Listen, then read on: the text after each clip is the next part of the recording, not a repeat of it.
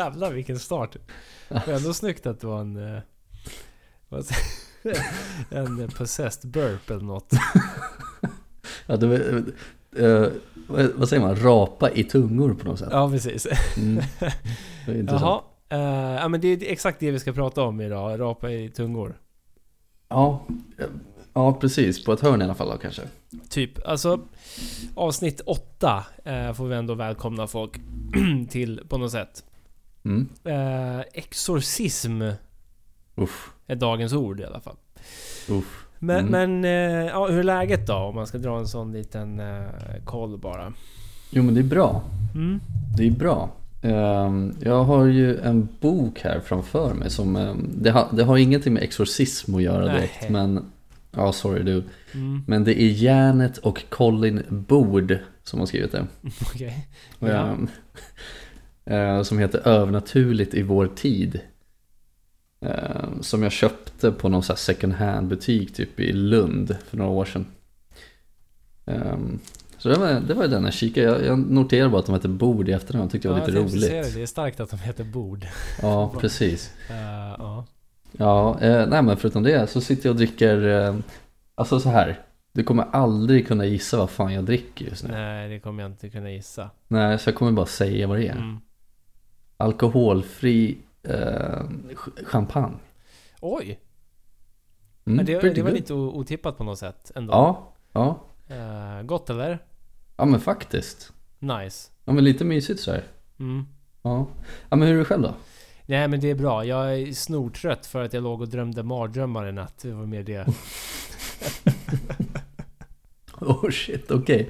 Vill du, alright, vill du dela med dig? Ja, nej men alltså tydligen är det en grej att folk tycker det är svintråkigt när man berättar om sina drömmar. Men det, det, är, det är samma drömmar som alltid nu för tiden. Du vet vilka drömmar det är. Det är, det är de här jävla spökgårdsdrömmar alltså. Det är, ja. tar aldrig slut det här. Nej. Nej, det, det har ju blivit lite uppsving på det där också nu. Ja. Ja. Ja men alltså det, det, det, det var någon sån här äh, poltergeist-dröm som det har varit mycket nu på sistone ju. Mhm. Ja, jag har haft samma, jag har haft samma. Ja, och eh, i natt var det bara så jävla ondskefullt och bara elakt allting. Och bara Okej. så här, bara jobbigt. Sen var Kenny Pavys son var ett spöke. Det var jättekonstigt. Ehm, Okej. jag vet inte fan kom han ifrån? Jag försökte slå honom också, det gick inte så bra. Barnmisshandel i Ja. sömnen. Eh, 13 bast eller någonting. Nej, kanske mer. 15. Ah, säkert mer nu. Eh, Men, men eh, det är fortfarande så här att eh, man kommer in i ett rum och så hänger det bara ett stort täcke i luften. Det är inte kul. Och så kastas det saker runt omkring. Det är det att det flyger saker överallt och man kan inte göra någonting liksom. Och så blir man bara rädd och allt är bara så ondskefullt. Och så vaknar man upp mitt i natten. I samma man, rum som det, allt det här skedde i liksom. Ja men typ, man vaknar upp och känner att aha men kul, nu är det något, nu är det något här i rummet. Ja, men. Demonic, eh, vad heter det? Possession Presence. heter Presence. Mm, Possessions också kanske? Vem vet? Ja, vem fan vet? Men så, så är det ungefär. Okej, ja men jag fattar. Det var någonting som du sa där med det här eh, ett täcke som bara hänger och svävar i luften typ. Ja, Det är så jävla mycket obehagligare än typ en säng som gör det tycker jag. ja exakt. Det, det, ja, det var så jävla obehagligt. Ja, Eh. nej fy fan. Okej, Jag shit. förstår inte. Det, och det är också det värsta är att det är som att dina drömmar... För jag vet att du skrev till mig att du drömde en sån här grej. Mm, mm. Och, och sen efter det så har det liksom spilt över på mig. Och sen när vi sorry. drömma det här fram och tillbaka. I don't like. Liksom. Ja men sorry dude alltså, men det är, ja. I have to share with my bro. Ja, men det är väl kul att i, i drömmarnas värld så händer det saker i alla fall. Ja, ja. Ja. Ja, precis. Det händer ju inte så mycket här annars liksom. Nej, Nej. i vår jävla tillvaro. Nej, men, Precis. eh, roligt i alla fall eh, var Mm. det att vakna vid fem någonting och inte kunna somna om sen. Så det känns bra. Okej. Så ja, ja, men jag fattar. Du är trött. Ehm, jag är inte jättetrött. Och det kan bli ett av- bra Non, avsnitt. ja, dricker non-alkohola. Like Ja, precis. Alltså. Ja, det är lite mysigt. Nej men alltså exorcism, vad fan har man på det egentligen? När hörde du talas om exorcism för första gången? Alltså det är ju ändå filmen alltså. Exorcisten ja. Exorcisten. Ja, Mm. precis. Ehm, från 1972, 4? Jag vet inte. Nailar du den eller? Vilka, Nej, det tror jag inte. något? Uff, 72 eller 72, 72. 73. Det är ändå bra Eh, alltså. Får man inte säga. Nej. Ja. ja, nej det är starkt alltså. Ja, ja, men eh, precis. Men det, det är väl min första riktiga liksom eh, själva begreppet exorcism och sånt där. Exorcist då. Just det. Um, den jävla äckelfilmen. Har, du, har vi sett den? Ja, vi såg den tillsammans. Visst fan gjorde vi det? Mm. Och jag vill minnas att vi pausade vid ett tillfälle också, du vet. Eh, vet Ja, vet ja. vad jag menar? Mm. Ja. Um, men ja, det var väl det Ja, faktiskt. Mm. Ja, själv då? Nej, det är nog samma. Och jag tror att det är Mm. samma för många. Eh, för, Ja. för egentligen, det är lite... Exorcism är ju... Och det slog mig för ett litet tag sedan att eh, det vi egentligen snackar om är ju... För att en exorcism ska kunna fin, eh, ske så måste det ju finnas nå- någon som är besatt av någonting. Och det är egentligen... Exorcism är ju själva utdrivandet av någonting som är besatt en person. Har jag tolkat det rätt då? Eh, Det är själva ja, handlingen liksom. ja, precis. Men jag har ju också tolkat det lite mer annorlunda med tanke på, jag har ju fått för mig att jag har varit med om en exorcism. Mm. Och Berätta. det är, ja, det är när jag blev döpt. Mm. Det är liksom att, eh, vad ska man säga, välsigna saker och sånt. Det, det kan ju också vara lite som en, eh, alltså exorcism det är ju det är ju som du säger, driva ut något ondskefullt och sånt där. Men det kan ju också vara, innefatta i alla fall att välsigna och liksom, här, ha ett fortsatt bra liv och, och så vidare. Mm. Eh, så jag har varit med om en exorcism, enligt mig. Okej, ja. ja. Men inte riktigt. Nej, det är en jag extremt eh, bred tolkning. För jag tror att eh, själva ordet eh, grundar sig nog i, i orden att, att driva ut någonting. Ja, va? Ja men precis, det hör man ju. Exakt. Mm. Eh, Men eh, visst, absolut. Man kan använda bön som exorcism. Det kommer vi väl in på sen också. Så I Mm. guess att lite... Vigvatten och sånt används ju också vid en exorcism. Så jag menar, hej man. Ja men precis.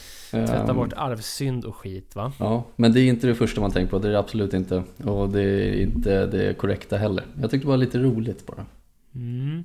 Du är Mm. döpt alltså, det är inte jag, nej just det. Jag vet, we will not see each other in hell man.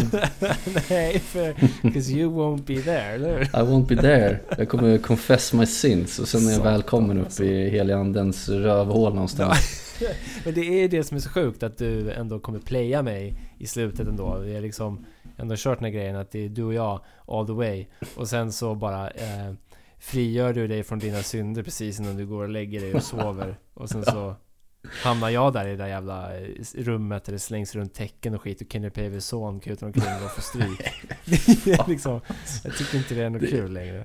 Ja men det låter ju som ett mer helvete än ett, liksom, ett brinnande helvete med liksom Ja. massvåldtäkter och skit varje Ja. dag. Det är inget kul alltså. Nej. Ehm, Nej. Ja, nej. Sorry ja, du.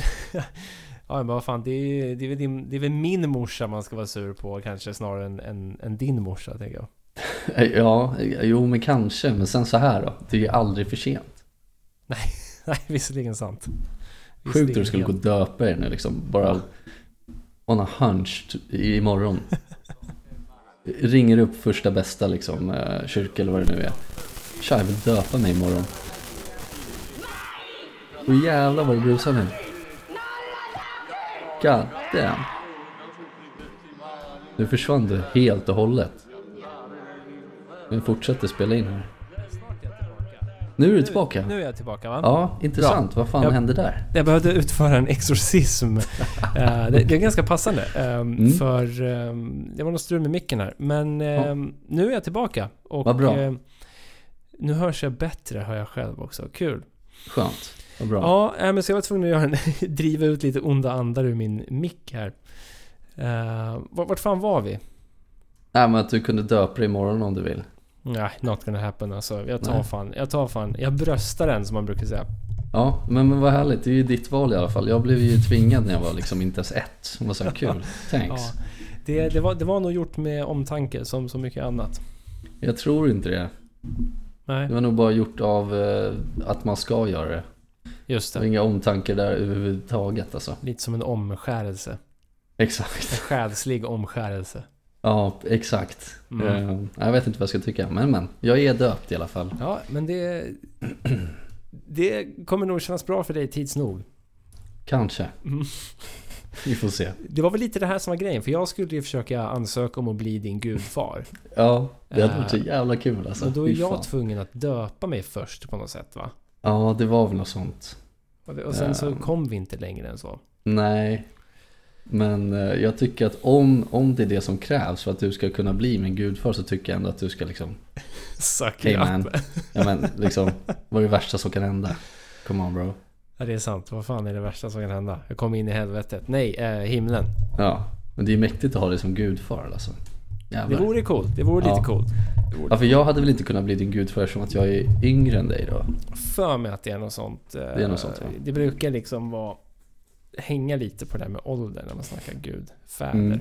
Mm, precis. Men, eh, ja, är du sugen på lite eh, exorcism-snack nu eh, den här kvällen eller? Hade du frågat mig för 15 år sedan så hade jag också sagt ja. Mm. Jag kommer säga ja nu. Fuck yeah bro. Men för 15 år sedan så hade jag varit livrädd. Ehm, men det ska bli intressant, det ska bli kul. Vem eh, var den första exorcisten? Skulle jag säga. Fy fan. Eh, någon, eh, någon tysk snubbe. Mm. Om Jesus var tysk så absolut. ja. Okej. Ja. Nej, men må- många brukar ju säga att eh, Jesus var den första exorcisten. Mm, Okej. Eh, och det är egentligen så långt jag har kommit i uh, historieträsket när det kommer till exorcism. Mm, mm. För eh, vad fan, alltså exorcism är ju en företeelse som främst sker, eh, om man snackar kristendomen då, så är det inom den kat- katolska kyrkan. Ja, ja. Eh, och det sker ju även inom judendomen då. Mm. Men eh, jag har i alla fall tänkt fokusera lite mer på den katolska liksom, läran och den kristna exorcismen. Mm, mm. Det är väl det mest intressanta på något sätt tycker jag. Ja, det är väl det som är, man har blivit matad med i alla fall mest. Ja. Liksom. Det är där det sker. Det är där det händer. Eh, men du skickade en video till mig för, för ett litet tag sedan ju. Ehm, ja, just på det. exorcism. Exakt. Mm. Jag tänker vi kan klippa in lite snabbt här så man kan bara höra lite hur det låter Ja. när, under en exorcism. Så vi tar några, några sekunder här.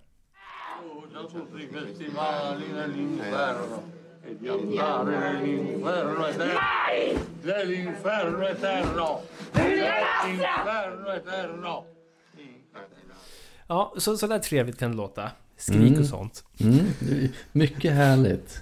Bra jobb liksom att ha det där som liksom. Ja, var, var ska vi nu då? Ja, vi ska åka till en exorcism ute i Åkersberga. Ja, ja, och så är det någon som sitter och skriker där bara. ja men lite som Anticimex liksom. Ja men exakt. Åker Liksom- runt i sin firmabil bara med lite vigvatten och krucifix och så... och så åker man hem till folk och bara knackar på, skvätter vigvatten och skriker saker åt dem så åker man därifrån. Ja men exakt. Helt okej jobb. Eh, Helt gu-. Gubben där som man hörde, eh, det var ju Gabriel Amorth. Mm. Gabriele Amorth. Mm, mm. Även känd som Father Amorth. God damn alltså. Även känd som Legend. Ja. Legend, ja. Det är så sjukt man kollar bara kommentarerna på den här YouTube-videon. RIP Legend. Eh, folk älskade eh, Gabriele Amorth. Mm, mm. Uh, anledningen till att jag nämner honom, eh, utöver att det var den där videon, det är att han var alltså Chief Exorcist hos Vatikanen.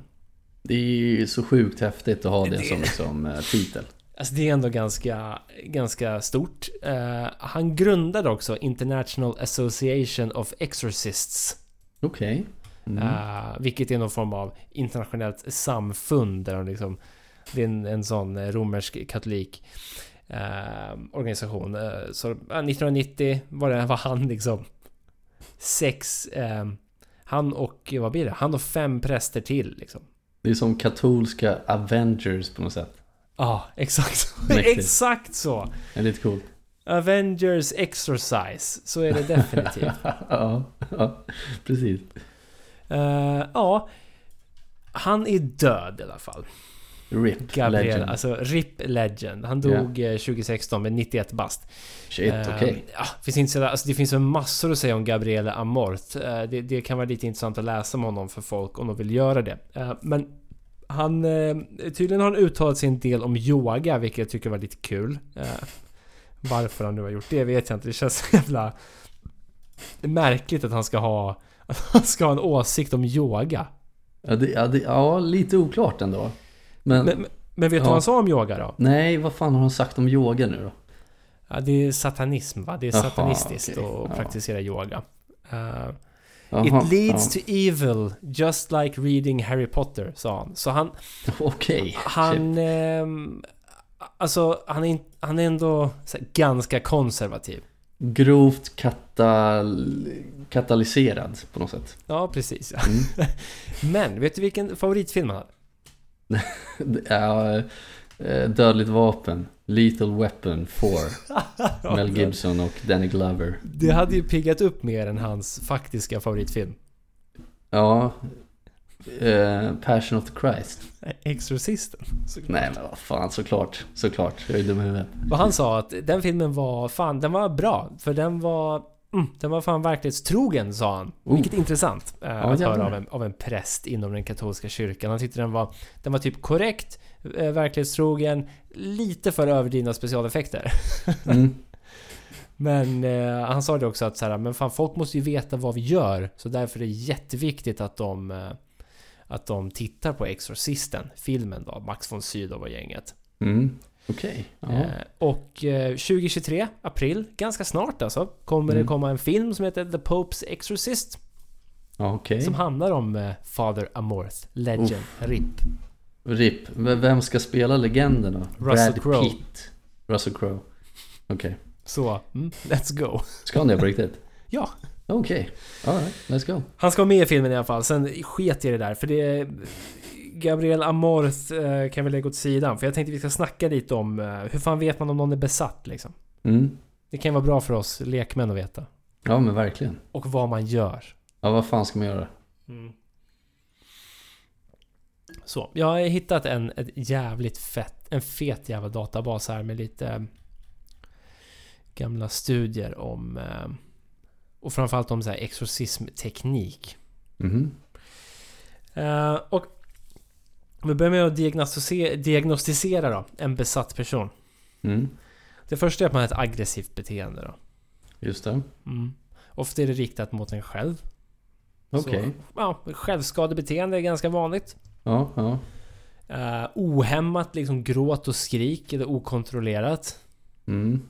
Man kan hamna i sån här katatoniskt eh, state of mind. Katatonia. Uff. Katatonia, kommer det bandet? Ja jävlar. Eh, my friend eller? My Twin. My twin. Eh, ja, okej. Never mind. Ja men alltså att man är katatonisk det är att man är lite shell-shocked typ. Mm. Alltså man... Stängt av. Man, man stänger av, precis. Mm. Eh, man, får liksom kraftiga skakningar och konvulsioner på grund av stress och rädsla. Man kan få bizarra matvanor. Eh, man kan bli jävligt ful i mun. Oj, okej. Mm. Man kan också få en jävla superstyrka. Alltså Mm. om man säger då en liten spädflicka kan bli stark som en vuxen karl. Okej. Och eh, du kan få förvridna ansiktsuttryck då, eller förvridna ansikten generellt. Alltså att ansiktet förvrids. Liksom. Det är ju det mest obehagliga tycker jag. Ja, den här utseendemässiga förändringen. Gud ja. Mm. Grinnet liksom. Ja. Ja. Fy fan vad äckligt. Ja, nej. eh, not like som man brukar säga. Mm. Och det är lite mer liksom beteenderelaterade saker då. Att man ligger och skriker och blir ful i mun och liksom ser för jävlig ut och man är arg och... Så. Mm. Ligger och skakar. Men sen finns det lite andra såna här i- intressanta fysiska fenomen som kan ske när du är besatt. Liksom. Mm. Mm. Dels är det här med att levitera. Just det. Det är en klassiker, alltså man svävar. Ja, classic. Mm. Måste man säga. Sen har du också raka motsatsen, fick jag reda på idag. Något som man på engelska kallar för possessed gravity. Vilket var ganska... Det var ett ganska schysst uttryck liksom. Ja, Då ja. blir du alltså snortung. Okej. Så att du liksom... Säg att då att det är gravitationskraft, gravitationen som pressar ner dig i underlaget. Typ. Ja. Fan vad, okej. Fan vad sjukt. Det är ju intressant ju. Ja, verkligen. Eh, Du talar i tungor. Det var en sån grej som du eh, nämnde tidigare där som vi började avsnittet med. Mm. Mm. Telepati är en annan grej. Telepati också, okej. Mm. Mm. Och telekinesis, vilket jag gissar är lite... Du kan flytta på saker med hjälp av dina tankar då. Alltså lite poltergeist-fenomen då helt enkelt. Mm, mm. Exakt. Där har vi liksom en, en, en bild av den besatta människan. Ja. Jäklar. Låter det som någon du känner igen eller?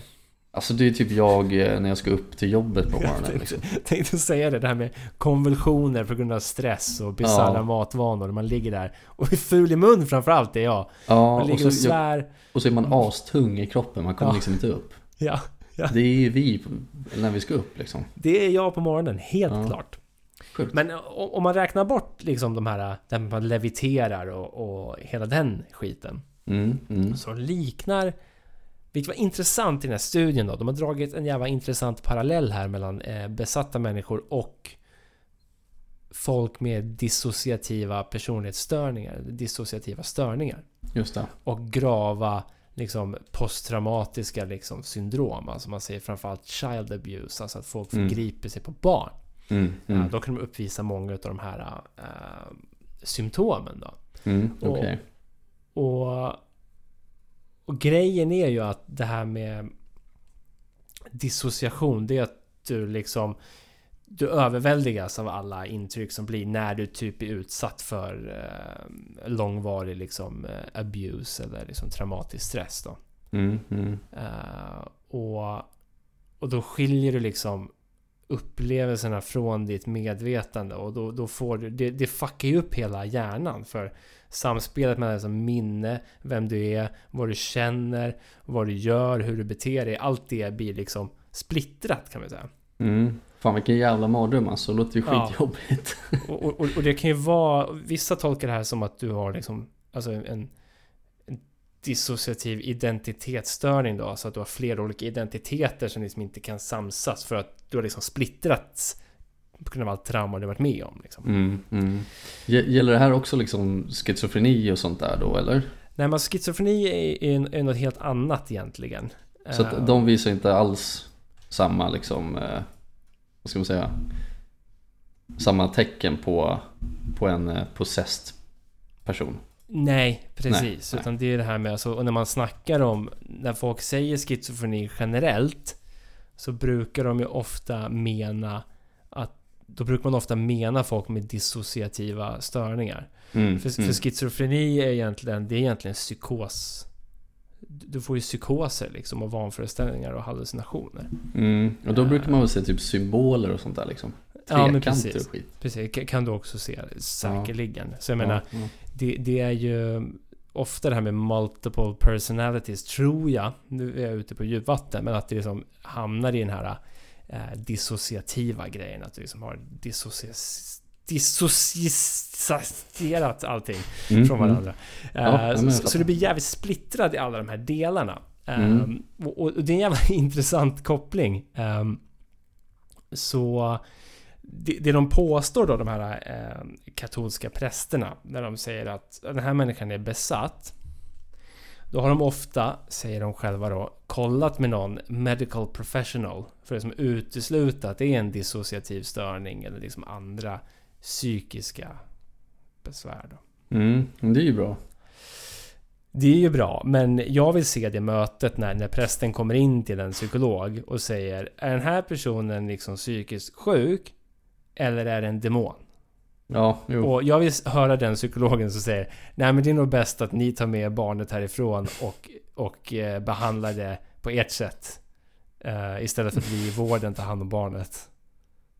Bind fast henne och slå Ja, men- på henne liksom. Ja. Precis, för vi kommer till det. Vad gör man då? Eh, Mm. Men, men jag tycker bara att det, det låter som en så jävla dålig bortförklaring att ja men vi har ju såklart kollat med vården först. Men vad har vården sagt då? Har de bara så här, ah, ta med henne hem och spänn fast henne, spänn fast henne i sängen och liksom skrik åt henne och kasta vatten på henne. Är det liksom ett... Är det, är det ett vedertaget behandlingssätt eller? Ja, nej det, det låter ju inte som det va. Så, vad gör prästerna med de här barnen då? För ofta, ofta är det ju ungdomar, det är klart att det inte alltid är det. Utan det kan ju vara vuxna människor också.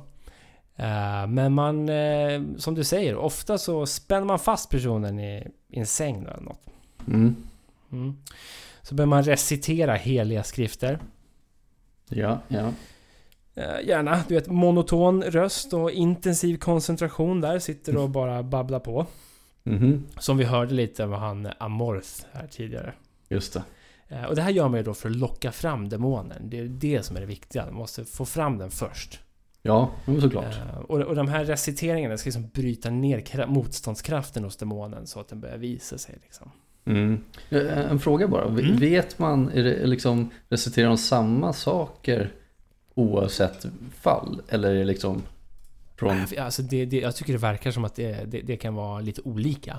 Ja, okej. Eh, Mm. Jag skulle gissa att Amorth eh, kör, kör samma grejer. Känns så.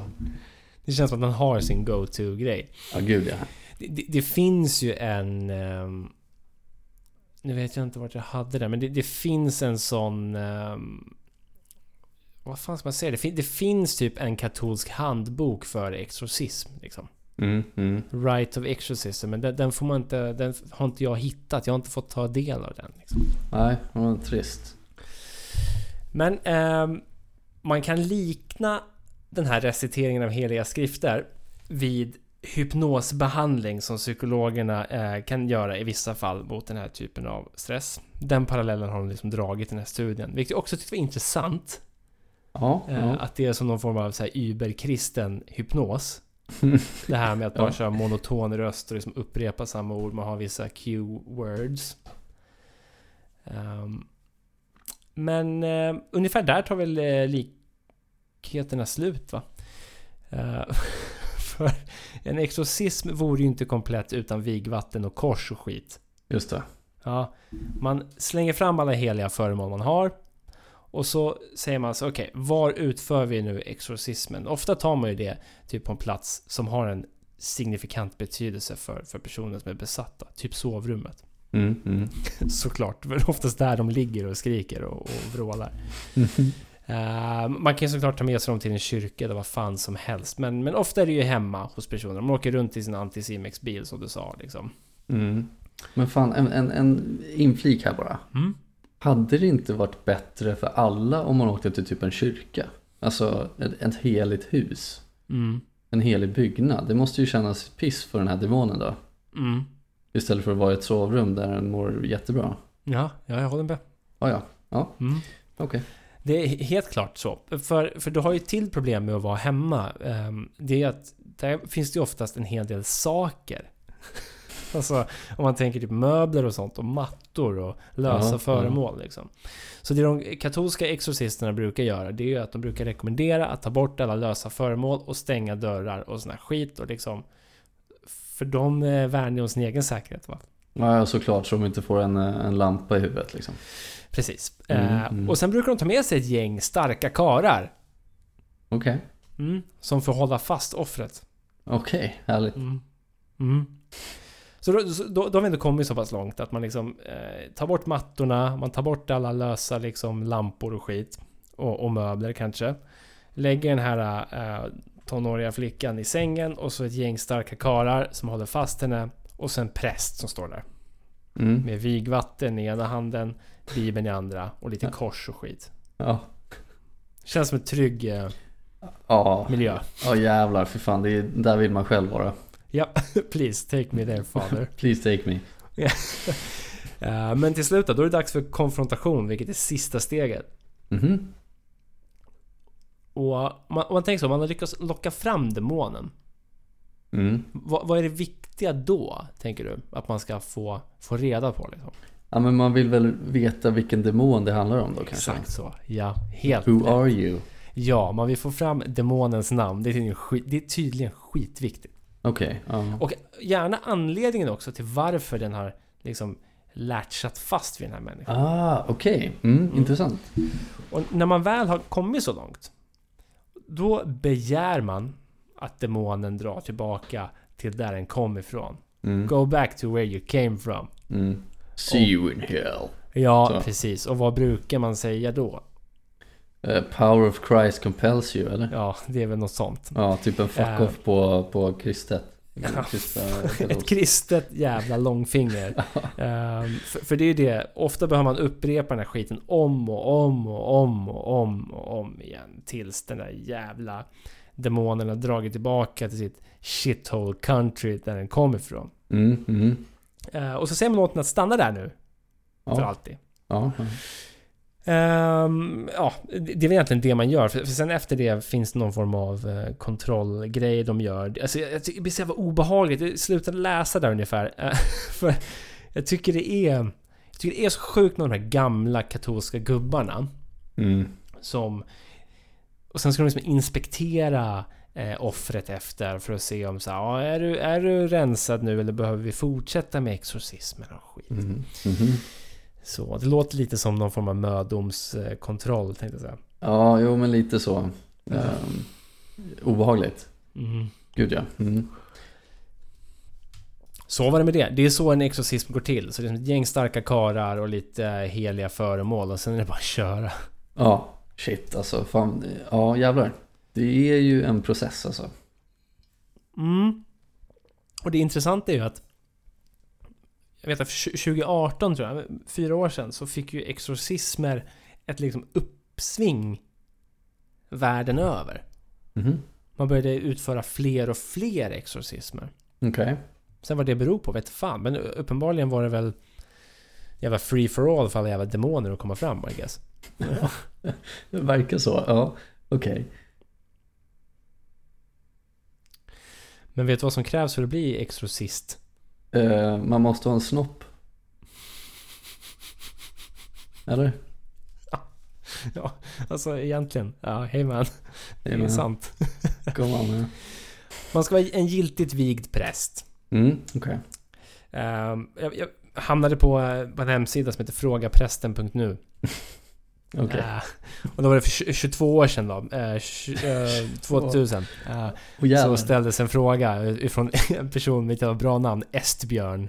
Uh, Mäktigt han, namn. uh, ha- Estbjörn har alltid undrat hur en exorcism går till. mm, Och han undrar då, måste man vara präst eller kan jag utföra en exorcism och, och, och så? Mina Mm. kompisar brukar kalla på andar och det sägs att om man inte får ut andarna att något ont kommer hända. Eh, det ska de inte hålla på med, typ. Jag vill ha Nej. ett svar. ja, ja visst. Och, och, och då svarar ju Team Fråga Prästen svarar. Det är alltså prästen och hans starka karlar där som står där. Fan, det här är tidigt alltså, internet på något sätt. Ja, ja, prästerna var tidigt ute. Jävlar. Det här är Okej, verkligen cool. Y2K-eran liksom. Ja, verkligen. Men då sa han det, nej men alltså bara en giltigt vigd präst kan använda bönen om exorcism och det är mycket farligt att ge sig på Satan om man inte har kyrkans auktoritet och befogenhet bakom sig. Mhm. Eftersom exorcismen inte fungerar i personens egen kraft utan genom Kristi kraft. Okej, Den första exorcisten då. just det. Det är också mycket farligt att kalla på andarna. Det kallas för spiritism och på det viset kan man verkligen få andarna i sig. Av det blir man ofta sjuk. Mm, mm. Det säger Team Fråga Prästen. Men alltså typ så här Ouija boards, Ja, precis ja. Det är spiritism. eller hur? Mm. Alright, cool. Kör den grejen. Ja, så, ja, så, så är det med den saken. Det, det, så går en exorcism till och så måste det gå till. Några spontana reaktioner eh, på det där eller? Eh, nej, egentligen inte. Alltså det... Alltså alla filmer man har sett och läst om och så, här, så har det alltid varit så här. De har ju frågat om lov typ till Vatikanen eller någonting. Ja, Oavsett få en vart man är. därifrån Mm. ja. Mm. Precis, och det, det faller in lite på det du berättar också. Att de måste ha befo alltså, befogenheten att göra så Mm, be om mm. lov och liksom få godkänt. Är okej, green light, let's go. Ehm, det är väl lite så jag har uppfattat det som och det verkar ju stämma. Mm. Mm, Ehm, och det är intressant att ehm, det ska gå till så. Men det, ja, jag fattar väl det på, på något sätt. Ja, men alltså det är också där, det, det är ju intressant med tanke på att det är så, så kraftigt religiöst kopplat ju. Mm. Ja, men Eh, precis. Det är fan det mest religiösa vi har. ja. Jo, jo, det- jo, det är det ju. Mm. Det mest extrema också på något sätt. Mm. Ja, nej men intressant. Fan, ehm, jo men jag lärde mig lite grejer. Det var kul. Kul att höra. Mm. Um, ska se, är du klar med din liksom, lite Ja, genomgång jag tänker vi i kan, jag kan ta och vila, vila, eh, vila mig lite. Mm. Ehm, för då, då kan vi ju liksom sätta, sätta oss själva i, i de här prästernas skor då på något, på vänster. Jaha, jaha. Ehm, för jag har ju, Jag har tre stycken fall jag vill prata om. Alright. Ehm, och jag tänkte börja med en här. Eh, och det handlar om en man, en, en engelsman som heter Michael Taylor. Har du hört om honom? Intressant. Nej. Nej. Eh, då ska vi se, han, var, han är född 1944, den 21 september. Eh, och den här historien som jag ska dra då, som ja, enligt utsago ska ha hänt på riktigt då, eller det har hänt på riktigt. Eh, hände 1975. Så han var 31 då alltså. Ja. Men Michael Taylor från West Yorkshire mördade sin fru den 6 oktober 1975 efter en exorcism som ägde rum dagen innan.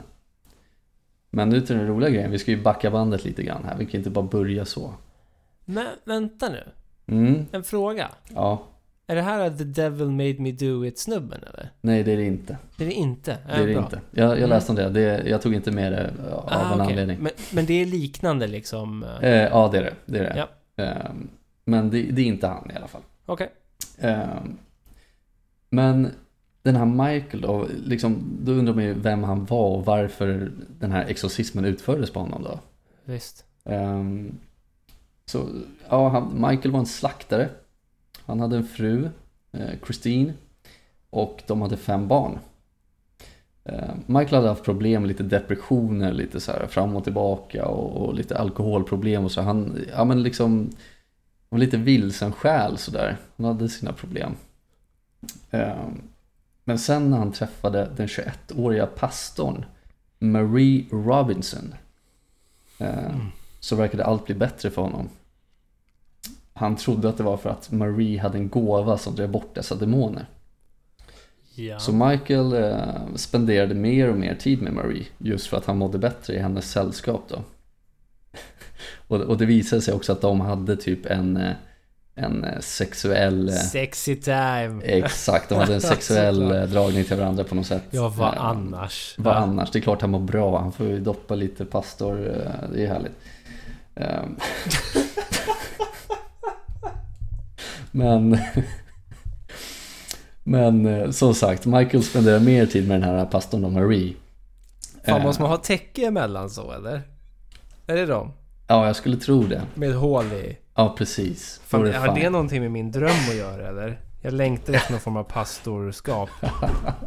Kanske. Var det ett hål i täcket? Nej, jag tittade inte neråt. Jag får göra det nästa gång. Ja, Du får göra det, du får göra det. Mm.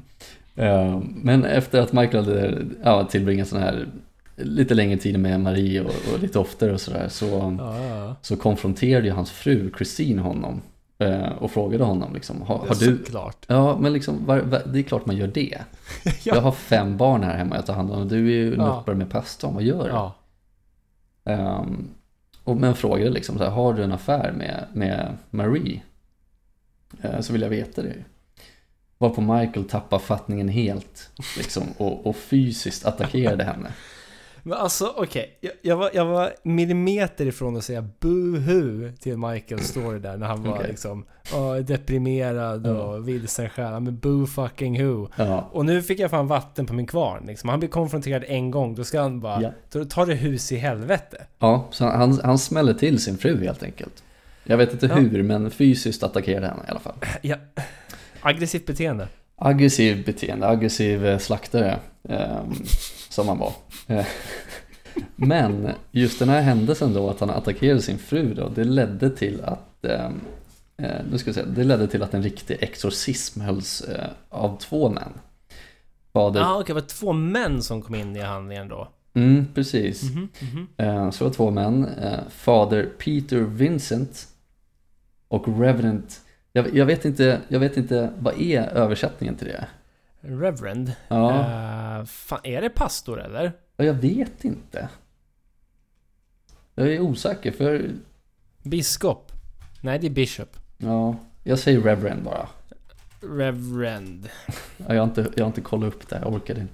Uh, högvä- högvördig, så det... Uh, kör Reverend. Ja, Fader Peter Vincent och Reverend Raymond Smith. Mm. Eh, Så att de här två ja, prästerna då, eller ja, så, de höll på hela natten mellan den 5 och 6 oktober. Och kommer du ihåg vad jag började det här med? Det var det här mordet på, på frun där den 6 oktober. Så, så det- var liksom efter två dagars jävla mega-ronk med de här två gubbarna eller? Precis. Mm. Eh, och det, Mm. det liksom kulminerade under natten där på, på något sätt. Eh, på något vis. Eh, så mellan den kulminera. Ja, let's go. 5 och 6 oktober och enligt er utsago så drev de ut ett 40-tal demoner ut ur Michael. Jävlar! Alltså var det verkligen, var det verkligen en pastor han hade legat med? Eller var det Satan själv? Ja, det är ju frågan. Alltså, pumpas full med 40 demoner. Som good puss man man. Ja, Eh, Men i alla fall, så de här två eh, männen då, prästerna, hade ja, men, drivit ut 40-tal demoner. Och bland annat så fanns det det som bringar fram incest, Mm. tidelag, Mhm. hädelse Mhm. och oförskämdhet. Ja, den här- sista var väl, den var väl helt okej i jämförelse med de första. Ja men verkligen, men sen så, det är lite roligt för man hör de här och bara oj, nej det lät inte så trevligt. Eh, men det, det blir värre.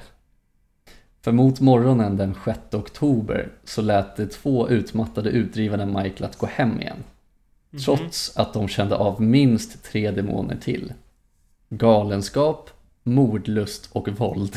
Ja, ja, det var ju de perfekta att råka lämna kvar. Exakt. Ja, det, hade varit lite bättre då att ha kvar tidelagsdemonen i honom. Ja, oförskämdheten kunde vara kvar Ja, liksom. men kan åka, liksom. åka tillbaka till jobbet och, och vara oförskämd mot djuren och, och Exakt.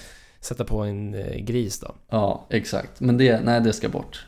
Mhm. No can do, but uh, insanity och den här jävla skiten, uh, Ja, det ska vara kvar. Mm. Sorry, de har dri- drivit ut 40-tal och det finns tre kvar liksom, kom on man. Men då, så att de, de lät ju honom gå hem då helt enkelt. Bara så, ah, vi pallar inte med, vi är skittrötta efter den här natten. Liksom, Fuck you, stick. Buhu. Buhu. Eh, så när Michael väl kom hem så attackerade han hans fru återigen. Mm. Eh, men denna gång så slutade han inte förrän Christine hade avlidit. Nice. Ja, eh, och hur gick det till då? Han hade mördat henne med sina bara händer. Mm. Han klöste ut hennes ögon och slet bort hennes tunga. Nej, Och nästan hela hennes ansikte var bortslitet. Nej. Sen ströp han familjens pudel Ja, där kom den. innan han hittades naken och blodig gåendes på gatan av en polis. Nej, fy fan alltså. Ja, Hä? och då ska vi se, då, då har ju han blivit liksom, eh, han har ju blivit tagen av polisen. Vad fan har Mm. hänt? Vad har du gjort? Mm. Ehm, och han berättar allting och, och så vidare och så vidare. Och då hölls en rättegång i mars eh, samma år då. Eh, nej, nej, eh, nästa år, förlåt. Jag har skrivit fel år, årtal där. Det var 1974 det här skedde. Ja. Så att det här är i mars 1975 rättegången hölls. Eller hölls. Ehm, och då slogs det fast att Michael var kliniskt galen och skulle spendera två år på Broadmoor Hospital. Vad hette han? Michael? Michael Taylor. Ehm, och efter de här två åren på det här sjukhuset så spenderade han ytterligare två år på sluten avdelning i Bradford innan han släpptes på fri fot. Mm. Så han blev ju liksom, eh, han blev avskriven som galen helt enkelt. Eh, det var galenskap. Eh, och han, ja, han mördade sin fru och den här pudeln då. Och han satt inne ja, totalt fyra år för det. Och sen är han fri och han lever än idag. Ja. Han gör jag det. Så. intressant. Ja. Intressanta är att hans fall Mm. nämns ju i, eh, i eh, eh, The Devil Made Me Do It-filmen ju. Ja, jag... De refererar liksom till den. eh, Mm. För den, eh, han Arne, Arne Jonsson i, som var The Devil Made Me Do It. Det är liksom den amerikanska motsvarigheten till honom ju. Mhm, okej. Intressant. Så den här Ja. snubben var britt liksom. Exakt. Mm. För jag har inte sett filmen själv, men jag kom ju in på det är fallet som, eh, som filmen har baserat på. Mm. Eh, och då stod det också att de hade nämnt det här i filmen. Ja, ja. Men eh, ja, det är inte det filmen är baserad på i alla fall. Intressant, intressant. Så att det var lite, lite, Fan, honom skulle man vilja snacka med på något sätt. ja precis. Jag undrar hur, hans julaftnar är med hans fem barn som kanske fortfarande är vid livet, jag vet inte. Nej, Sådär. Sådär Mm. tror jag. Sådär, ja precis. Eh, ja, så det var, det var Michael Taylor som ändå var med om en exorcism. eh, och uh, där det sades att de hade dragit ut ett 40-tal demoner från honom. Men det var några kvar. Så han Ja, mördade sin fru. värt. Och nu är han på fri fot. Det är härligt. Han är ja det är han ju för fan. Mm. Eh, vad, vad tyckte du om den, den Nej, men alltså, den är ju. Han, han slet alltså ut ögon, tunga och typ hela ansiktet nästan. Ja, han gick liksom ape shit. Så, så här schimpanser som eh, eh, siktar in sig på ansikten Ja. och könsorgan och händer liksom. He went full chimp helt enkelt. Ja, verkligen. Ehm, nej, ehm, jag, jag är spänd på att höra dina andra fall. Ehm, Mm. För alltså det här fallet är ju... Jag har en liten teori men jag behöver fler fall för att få, för att få vatten på min kvarn så vi kan gå vidare. Okej, kul. Ehm, då så. Då har vi ett till fall som också innefattar en, en man då. Jag vet, eh, innan, ja men när vi diskuterade vad vi skulle prata om och sådär så, så Mhm. pratade vi lite om vad vi hade tänkt att ta upp och sådär, liksom, ja, lite tankar och så. Och jag sa, jag nämnde ju det till dig att ja, men jag tänkte ta upp fall som endast handlar om eh, män, eller liksom pojkar, killar, manliga Ja. könet. Eh, för det känns ju alltid som, när det gäller exorcismer då, så känns det ju alltid som liksom att det är tonårsflickor Ja. det handlar om. Mhm. Men eh, ja, det, det, det, verkar ju inte vara, det verkar inte vara fallet för att det finns ju hur många hel- som helst exorcismer som har utförts på pojkar och killar. Mm, mm. Eh, Men i alla fall, så det, här, det här är ett tillfall som handlar om en eh, pojke då i det här fallet. Eh, Och den här pojken hette då, tror man, Ronald Hunneler. Okej. Eh, Och han kallades för Roland Doe för att eh, behålla liksom sin... Efter det här fallet publicerades och så, så ville de att han skulle få leva ett normalt liv och sådär. Mm. Men Ronald heter han då. Eh, Och han var en tysk-amerikansk 13-årig pojke från Amerikas, eller USAs eh, huvudstad som är Vad sa du nu? Det är Amerikas USAs huvudstad. Washington. Yes, New York. Nej men eh, Washington DC, det stämmer bra. Jajamän. Ronald var helt förstörd efter att hans faster Harriets bortgång i januari 1949. Oh my god. Buhu eller? Mm, verkligen buhu. Men, Det är bara en eh, massa jävla buhu-killar här. Ja, det är, det är Ja. synd om dem alltså. Det är kränkta vita män, så är det. Så, så, Mm. Indeed. Uh, kränkt vit 13-årig pojke är det här. Som är lite ledsen efter att hans faster gick bort, som han älskade. Eh, Ja, intressant att älska sin faster så mycket. Jag tycker det är starkt. Mm. Mm. Men den här fasten då, hon var lite intressant. För hon, hon var lite, hon var inne i mystici, eh, vad heter det? Eh, Lite på det o- o- ockulta och sådär. Eller Okult- mysticism och mysticism heter det, precis. Mm. Det okulta. Och hon vid ett tillfälle visade Ronald hur man använder ett Ouija board. Ah, minns du vad fråga präst, team Fråga Prästen sa? ja, Att precis. på det viset kan man få andarna i sig och då blir man ofta sjuk. Exakt. Mm. Ehm, men det, det framgår inte om han har använt en Ouija board för att få kontakt med Harriet då igen då. Okej. Men det som hände var då att kort efter hennes bortgång så började han märka konstiga saker. Eh, Det skra- skrapande ljud från hans väggar och golv i hans sovrum och sådär. Slängde snusdosor mot väggarna och skit. Slängde snusdosor mot väggarna så det smällde till. Så han blev livrädd. Mm. Eh, och hans madrass började liksom röra på sig, det vill säga skaka lite konstigt. Ehm, så, så Ronalds familj då blev mer och mer obekväma och eh, till slut så sökte de hjälp för det här. De gick till doktorer, psykiatriker, eh, lutherianska medlemmar av kyrkan och eh, till slut så blev de refererade till jesuiterna.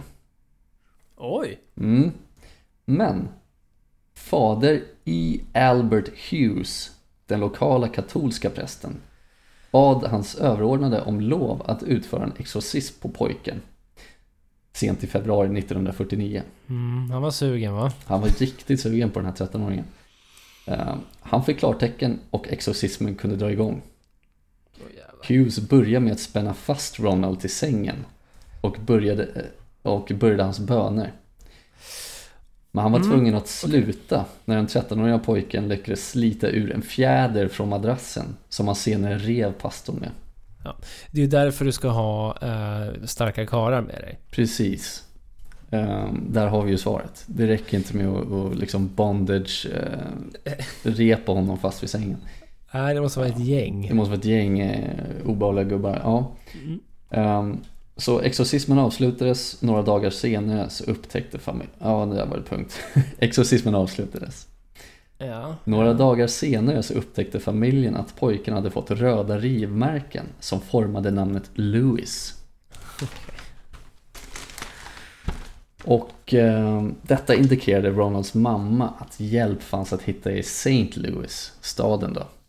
Där familjen hade släktingar. Vad är det för gäng alltså? Mm.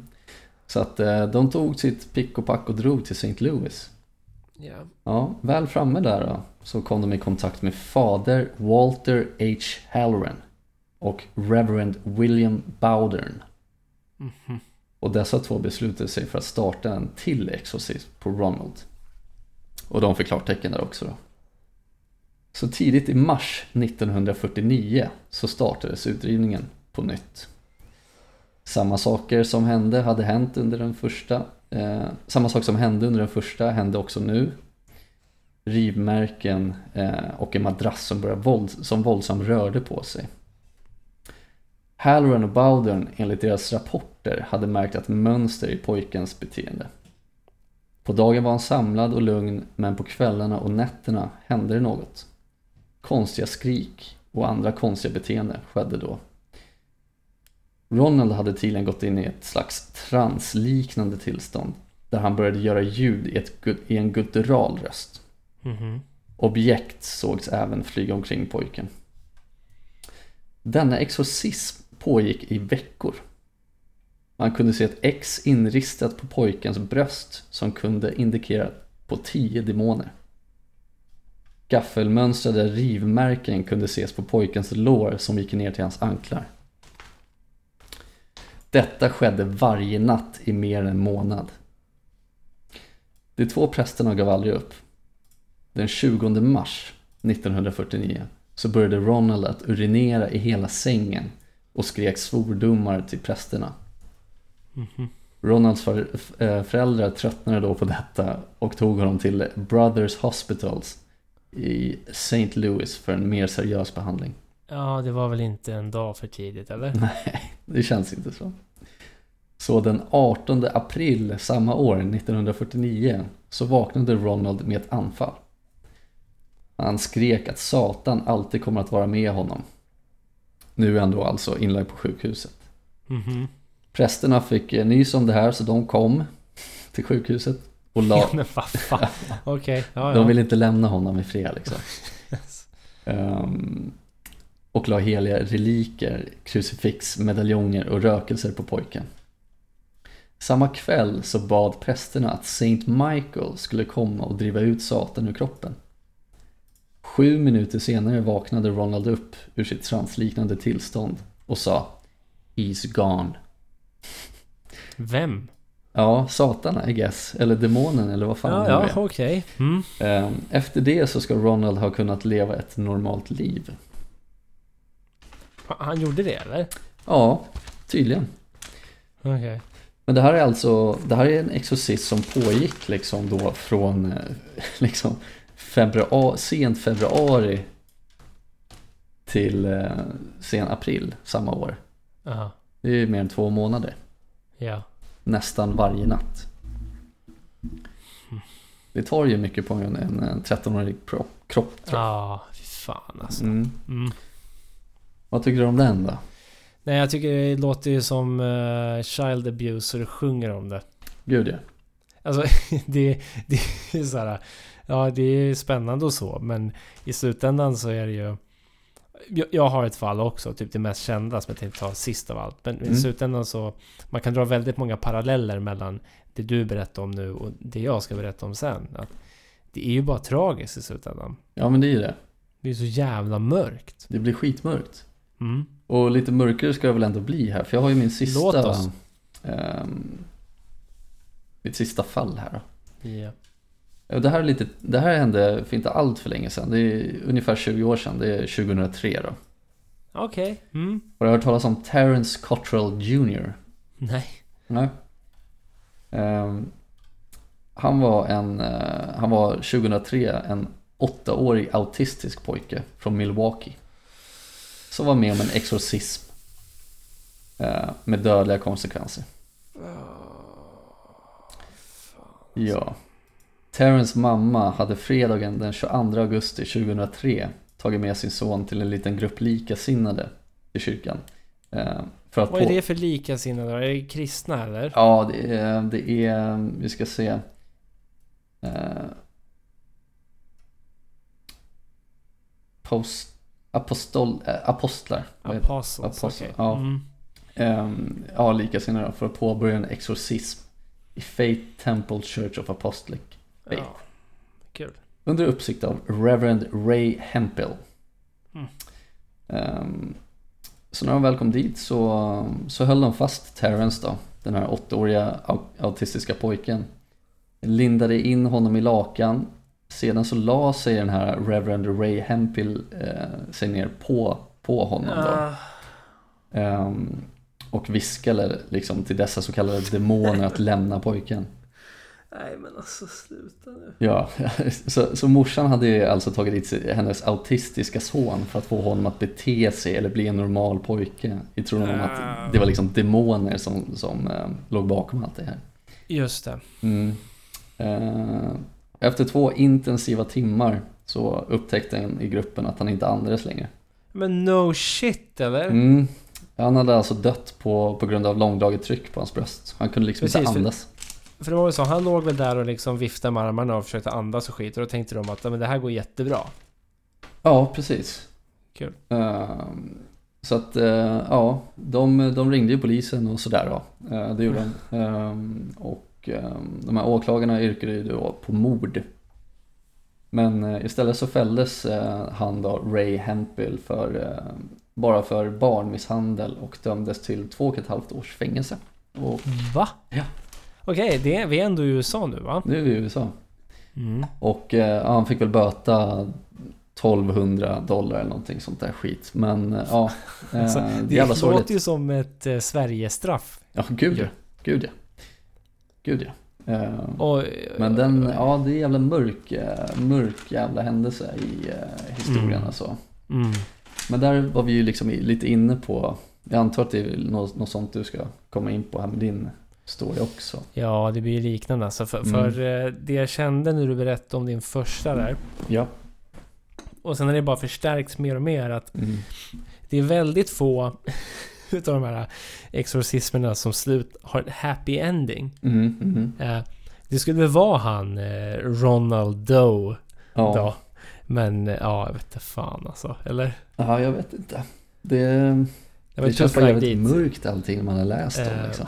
Ja, precis. För, för jag, jag kommer ju prata då om... ehm,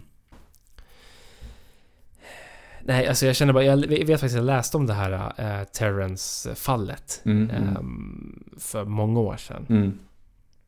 För jag, jag kände igen pojken på bilden här. Ja, ja. Eh, och bara så här, det är ändå 2003, eller vad sa du? Ja, tju- ja, 2003. Ja, det är rörigt alltså. Han var åtta bast, hade Mm. autism. Ja, Ja, nej, det är klart han liksom är... Man inte framstår som en liksom normal då, om vi säger så, pojke. Ja, Lite speciell precis, så. ja. Och det... Nej men då har man en demon tydligen. Ja, puckon Sjukt. alltså. Folk är dumma i huvudet, Ja. så är det. Nej men det där blir ju också... Nej, där blir det verkligen så tydligt vad det är det hela handlar om i slutändan Mm. också. Ja, gud ja. Eh, men vi ska se här. Jag har ju framför mig här. Jag har ju caset uh, det sista för idag då blir det väl. The och det case. är ju... Ja precis. Det är ju the case. Det är ju Annelise Michel. Usch, fy fan. Alltså, jag, jag har haft många eh, mardrömmar om henne, alltså. Fy fan. Mm. Och hon var ju 16 bast. Det här är alltså på 70-talet i Tyskland. Mm. Ehm, hon uh, höll på att börja utveckla tuberkulos faktiskt i sin kropp. Uh, hon blev smittad av tuberkulos. Under tiden hon uh, insjuknade Så började hon få liksom blackouts och eh, såna här konvulsioner som vi pratade om tidigare. Alltså att hon låg och bara skakade. Mm, som mm. skakningar och skit. Ja. Uh, så man kan säga att det var som en, en seizure-grej. Lite epileptiskt nästan om man ska kalla det för någonting. Och hon fick ju... Började få medicin och sådär för det. Mm. Eh, men sen när hon var 19 bast så började hon se demoniska ansikten och började tycka att saker och ting luktade jävligt konstigt. Du vet, hon hade covid innan covid var en grej. Ehm, och... och- men det, det, en märklig grej var att hon började reagera jävligt eh, starkt på präster och kyrkor och religiösa liksom eh, symboler. Mm. Ja, ja, det är konstigt. Mm, ehm, en intressant grej att bära med sig i bakhuvudet då, nu, är att två år innan hon började utveckla de här symptomen så hade hon lärt känna en Youth Minister, alltså en, eh, alltså en ungdomspräst eller vad ska man kalla dem Mm, på mm. svenska, jag vet inte fan vad det heter. Men, men eh, typ två år innan hon började bli eh, symptomatisk då. Mm, och mm. eh, man har gjort någon sån här psykiatrisk liksom, utvärdering av honom efter allt det här. Okej. Och sa att han var, jag ska citera, jag tyckte det var kul det de skrev. An abnormal personality in the widest sense. Så han verkar inte ha varit helt normal. Nej, Och han deltog också i hennes exorcism senare. okej. Kul. Men vi tar oss tillbaka till hon får sina de här seizures, sina eh, slaganfall, så att säga. Eh, och hamnar i trans då. Mm. Och när hon hamnar i den här transen då börjar hon eh, bli väldigt så här ilsken och, och liksom hånade folk och pratade med väldigt maskulin röst. Liksom. Är som man hör den här röstförvrängningen. Ju. Ja, ja, men lite som vi hörde tidigare i avsnittet då. lite sånt. precis, ja, precis. Jag tänker fan vi kan, vi kan lyssna lite på ett klipp av Annelies här också. Åh, fy fan nej.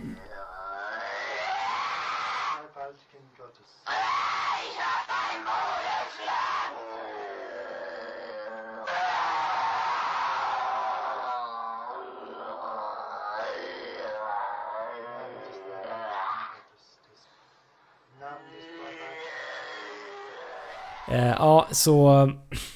Fan, hon... Eh, hon fick lite så spirituell hjälp. Det var väl någon som kom och snackade med henne typ och var så här, Fan men kom igen nu, tänk på Jesus eller något. Eh, och det blev väl... Det blev väl lite bättre när hon tänkte på Jesus eller något. Okej. Så hon började gå i college och fick en... eh, Skaffa sig en pojkvän och... Ja, det lite så. Ja, livet lekte. Livet lekte förutom att hon drabbades ofta av någon form av paralys. Liksom. Mm. Så det är ja, sådär. Ja, inte så kul. Buhu eller? Ja, bu. Men ja, sen kommer vi till det klassiska. Hennes eh, mormor dog, eller farmor, grandmother. Mm. Mm. Då började hon få de här ansiktsförvrängningarna som vi pratade om tidigare. Okej. Och, och började få det okontrollerbara gråtet och skriket som vi också pratat om tidigare. Mm. Mm. Och, och det började störa hennes ätande liksom. Hon kunde inte äta ordentligt för att hon satt och bara höll på. Okej. Fatt, fattar ju. Ja, buhu. Eh, och, och då fick man också såna här episoder av den här superstyrkan. Så allting är ju verkligen typ taget ifrån det här caset nästan. Eh, Prickar in varenda ruta liksom. Ja, precis. Och fick, blev väldigt stark ibland och fick verkligen så här extrema skiftningar i kroppstemperaturen. Ibland var hon superkall, ibland jättevarm. Mhm. Skaka. Stel, rörlig, stel. Ehm, kunde inte gå ett tag. Mhm. Så började hon äta saker som man kanske inte ska äta. Kommer du ihåg vad hon käkade för någonting? Hundbajs kanske? Nej men alltså det, det, är, så, det är så äckligt. Jag minns hon, inte. Hon åt flugor. Ja, Det är väl liksom, ja, det är det minst äckliga här. okej. Spindlar käkade hon. Ja. Men framförallt hennes egna nerkissade underkläder liksom. Oh my god. Började hon, började hon käka. Och då är vi i kiss, kisshörnet igen. Just som det. Ronald. Mm. Eh, hon började se, se sin döda mormor eller farmor och sin döda syrra också. Som tydligen hade dött någon gång. Mhm. Så då var det så här, nej. Hon började attackera sina föräldrar och sin pojkvän och liksom riva upp huset. Och gjorde mayhem helt enkelt. Shit. Mayhem. Du vet att det blir mig. Ja, precis. Så det blev jävla mayhem där hemma. Och då... Då kom ju en präst liksom ut med sirenerna på liksom. Mm. Och då börjar de snacka med henne och då säger hon Jag är Judas, jag är Lucifer och jag är Hitler. Oh, okej. Shit. Så hon var alltså besatt av Judas, Lucifer och Hitler. Unholy Trinity. Ja, det är fan inga... Alltså ja, det är en jävla trifecta of the ages Ja, alltså. jävlar. Eh, men sen drog hon fram, ett intressant wildcard. Mhm. En, eh, en präst från 1500-talet i hennes liksom eh, område. Jaha. Alltså, och- det här är ändå 1970, så hon drog upp något från 1500. En präst som heter Fleischmann. Okej. Som, sa, som också då eh, processade henne då, var i hennes kropp då. Okej. Hon så- sa jag är, Fle- är Fleischmann liksom. Mm. Men den här prästen då, var, var han ond då eller? Ja, han var en womanizer and a murderer. Oh my god. Så, ja, det var en jävla ond eh, Fleischmann-präst Jävla. Fleischmann alltså.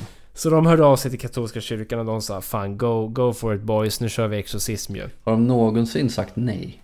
Jag börjar, jag börjar fan undra. Jag börjar fan undra. Det känns som att det bara så här. Det är någon så här tydlig symbolisk handling typ att fråga, är det lugnt eller? Ja. Så. Så ex Exorcisten kommer ju dit eh, tillsammans med den här jävla ungdomsprästen. Du har familjen och alla vänner var där också. Det var ett jävla gäng som var där Ja. liksom när hon skulle exorcisas. Och så kör de heligt vatten och de kör heliga föremål. Då blir hon galen, hon blir arg och börjar skrika dumma ord, Mm. fula ord. Eh, Fuck you, spotta på fuck folk. you. Ja. Fuck you! Bloody! Mm. Sådana grejer. Mm. Spotta på folk. Ehm, och de körde några, några liksom eh, vändor med det där. Och, och, och mellan de här sessionerna så började symptomen förbättras ändå. Okej. Sen efter ett tag så kom det sex demoner till. Jaha, okej. An- Mm. Andra då eller? Ja, som Ja. liksom hoppade in. Det var inte bara Hitler, Fleischmann, Judas och Lucifer. Utan det var lite andra sköna Okej. dudes liksom som, som hoppade in och ut ur henne. Så de hade ju exorcism-sessioner kanske varannan dag. Shit. Ja. Alltså every few days. Jag menar, det är ja, typ varannan dag. Det är som... De bara köttar på där. Mm. Mm. Ehm, och det intressanta var att när de började det här så sa hon att men det kommer vara klart vid 31 oktober. Då kommer, kommer ingen bo i mig längre. Okej. Så precis som hon sa, 31 oktober, då var det klart. Men sen. Så när alla trodde att det var klart. Liksom, Mm. då kommer en ny demon. Utan namn. Nej men please alltså. Mm. Och det Och var bara en då, eller? Ja, Ja. precis. Och det var då det började gå riktigt åt helvete. The Demon. Ja, precis. Problemet här är att, att här är det någon form av eh, silencio stampa över allting. Det är liksom, man vet inte så mycket om vad som hände i den här fasen. Radio Silence, alright. Ja, precis. Det är som vows of silence. Det är liksom så här, vad säger man? Eh, men tysthetslöften liksom och eh, massa sådana grejer. Så det är som, mm, man säger ingenting. Okej. Men de fortsatte med sina sessioner liksom. Men demonen vägrade snacka med dem. Jaha, okej. Var... Mm. Okej. Ja, Och intressant. den här nya demonen tydligen då tvingade henne att börja strippa. Fuck. Ja, och sen började hon liksom lägga sig liksom eh, med ansiktet neråt tills hon liksom började kvävas. Slå liksom ansiktet i olika föremål, eh, slå ut tänderna ur, ur, eh, ur munnen. Och gick till kyrkan någon dag där så spydde hon bara en jävla massa. Jag vet ju, Liksom, jag vet vad jag kommer drömma om i natt nu. Ja, så hon började bara göra våld på sig själv då helt enkelt. Mm. Självskadebeteende då? Exakt, Mm. och hon kunde inte äta liksom vissa typer av, av eh, mat. Och Tydligen var gurka en utav dem. Hon, kunde hon äta det eller inte? Eh, kunde inte. Kunde inte äta gurka, okej. Nej. Ehm, så ja, eh, hon eh, spydde en massa i kyrkan i alla fall. Det var jävligt... ah.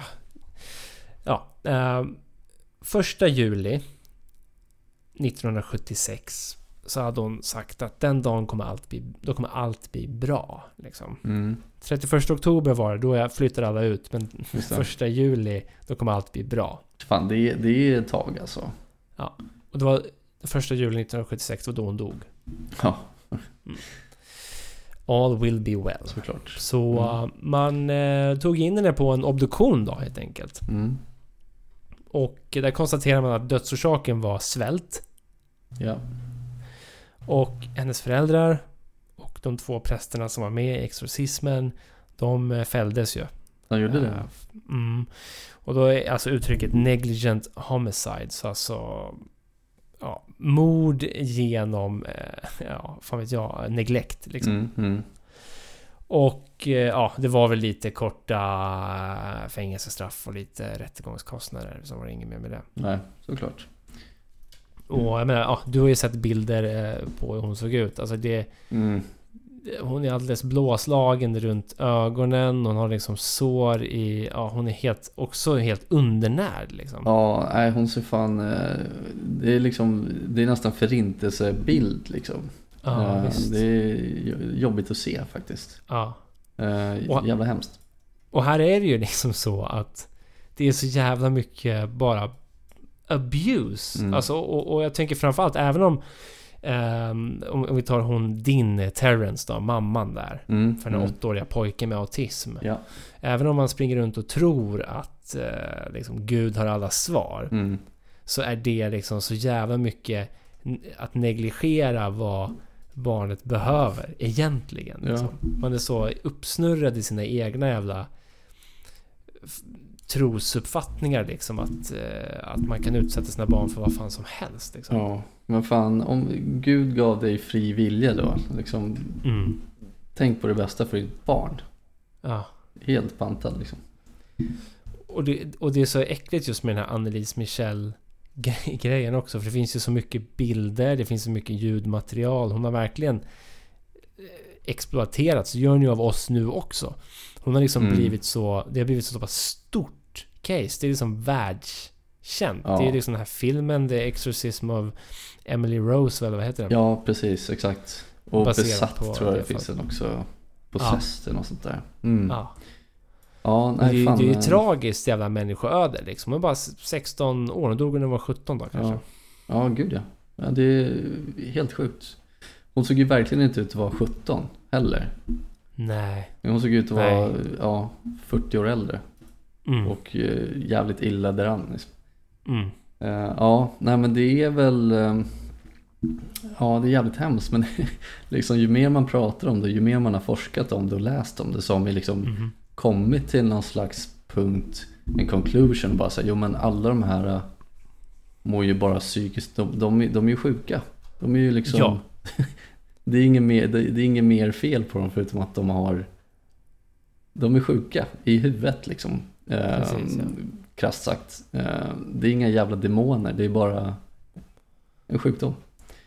Och, och det, det är exakt det de kommer till liksom i, i slutändan av den här stora studien jag har framför mig. Där de har läst upp, för där tog de Annelise Michel eh, caset som Mm. ett exempel på, på kristen exorcism. Mm, mm, Och det de säger då är att hade det här caset till exempel och de andra de nämner där eh, diagnostiserats och behandlats som en dissociativ störning mm.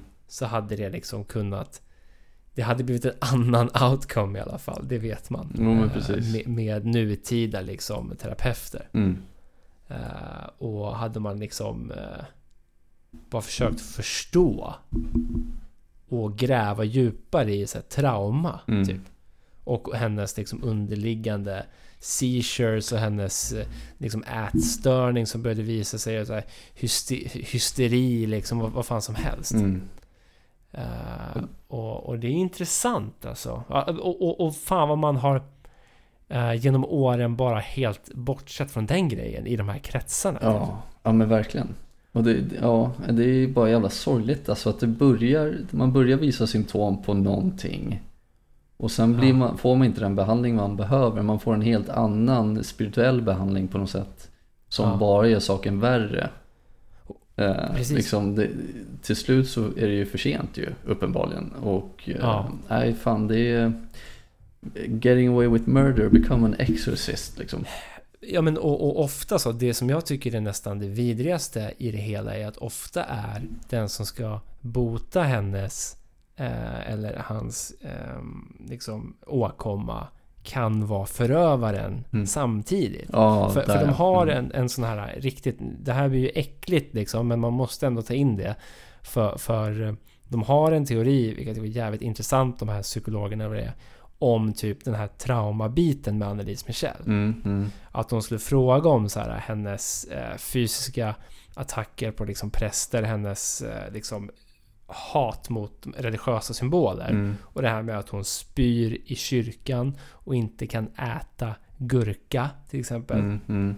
Och att det liksom har att göra med... Och att hon inte vill, vill, vill prata om saker och ting heller. Mm. Har att göra med den här sekretessen kring hennes liksom, kontakt med den här prästen och eh, Ja. kanske då även då som de säger oralsex med prästen att han har förgripit sig på henne. Liksom. Mm. Mm. När man lägger ut det så så blir ju också allting väldigt, väldigt tydligt nästan. Ja, verkligen.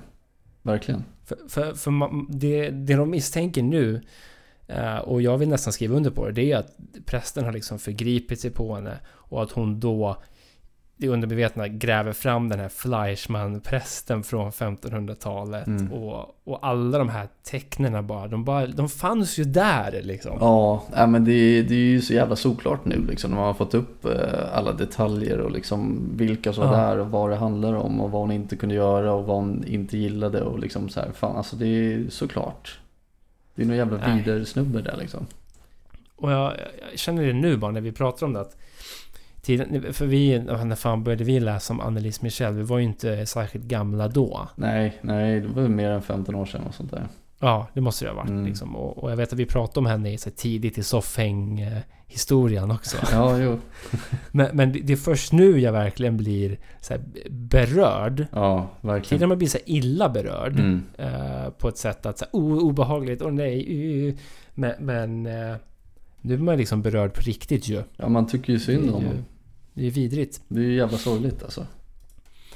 Så domen är väl att eh, det, här är inget vi bör hålla på med, eller? Det är inget vi bör hålla på med. Vi bör väl hjälpa folk med eh, psykologiska problem. Eh, Ja. Eller mentala, ja. Det är, uppenbarligen finns det inga Ja. demoner. Ehm, Men, men det är intressant då också att katolska kyrkan ändå säger att men vi kollar med lite medical professionals innan vi sätter igång med det här. Ja. Såklart. Ja. Tror ni vi är sjuka eller? Ja, jo, det, jag börjar fan tro det. ja men liksom, fan det här Annelisa, det är 70-talet alltså. Det är ändå inte så Ja. jävla länge sedan. Kunde man inte, fan alltså. Helt otroligt. Visst. Det kunde ha undvikits det där. Ja, nej fan på riktigt RIP alltså. Det är jävla Ja, mörk historia, tragiskt. Sorglig. Ehm, ja, vad säger vi då? Är vi klara så med, med det här avsnittet eller? Ja, vi har hållit på nu i en timme och en kvart ungefär. Eh, jag vet inte om vi har så mycket mer, jag har inte så mycket mer att säga om det egentligen. Bara att det, det slutar ju på en slags liksom sorglig, En sour note. ja. Ja, Verkligen. så, så är det ju Bad ibland. taste in Eh, my mouth. Mhm. Ja, det här är ju egentligen kanske det mörkaste hittills som vi har pratat om i den här poddens historia i alla fall. Mm. Eh, alltså fallet Karin var ju inte så jävla farligt i jämförelse. Nej, nej, nej precis. Men nu känns det också som att vi har pratat om någonting som man ändå ska kunna liksom utan problem kunna förklara bort liksom. Ja. Att det inte är Absolut. fi- naturligt. Finns inte supermycket mystik här för mig Nej, längre. nej, inte för mig Eh, heller.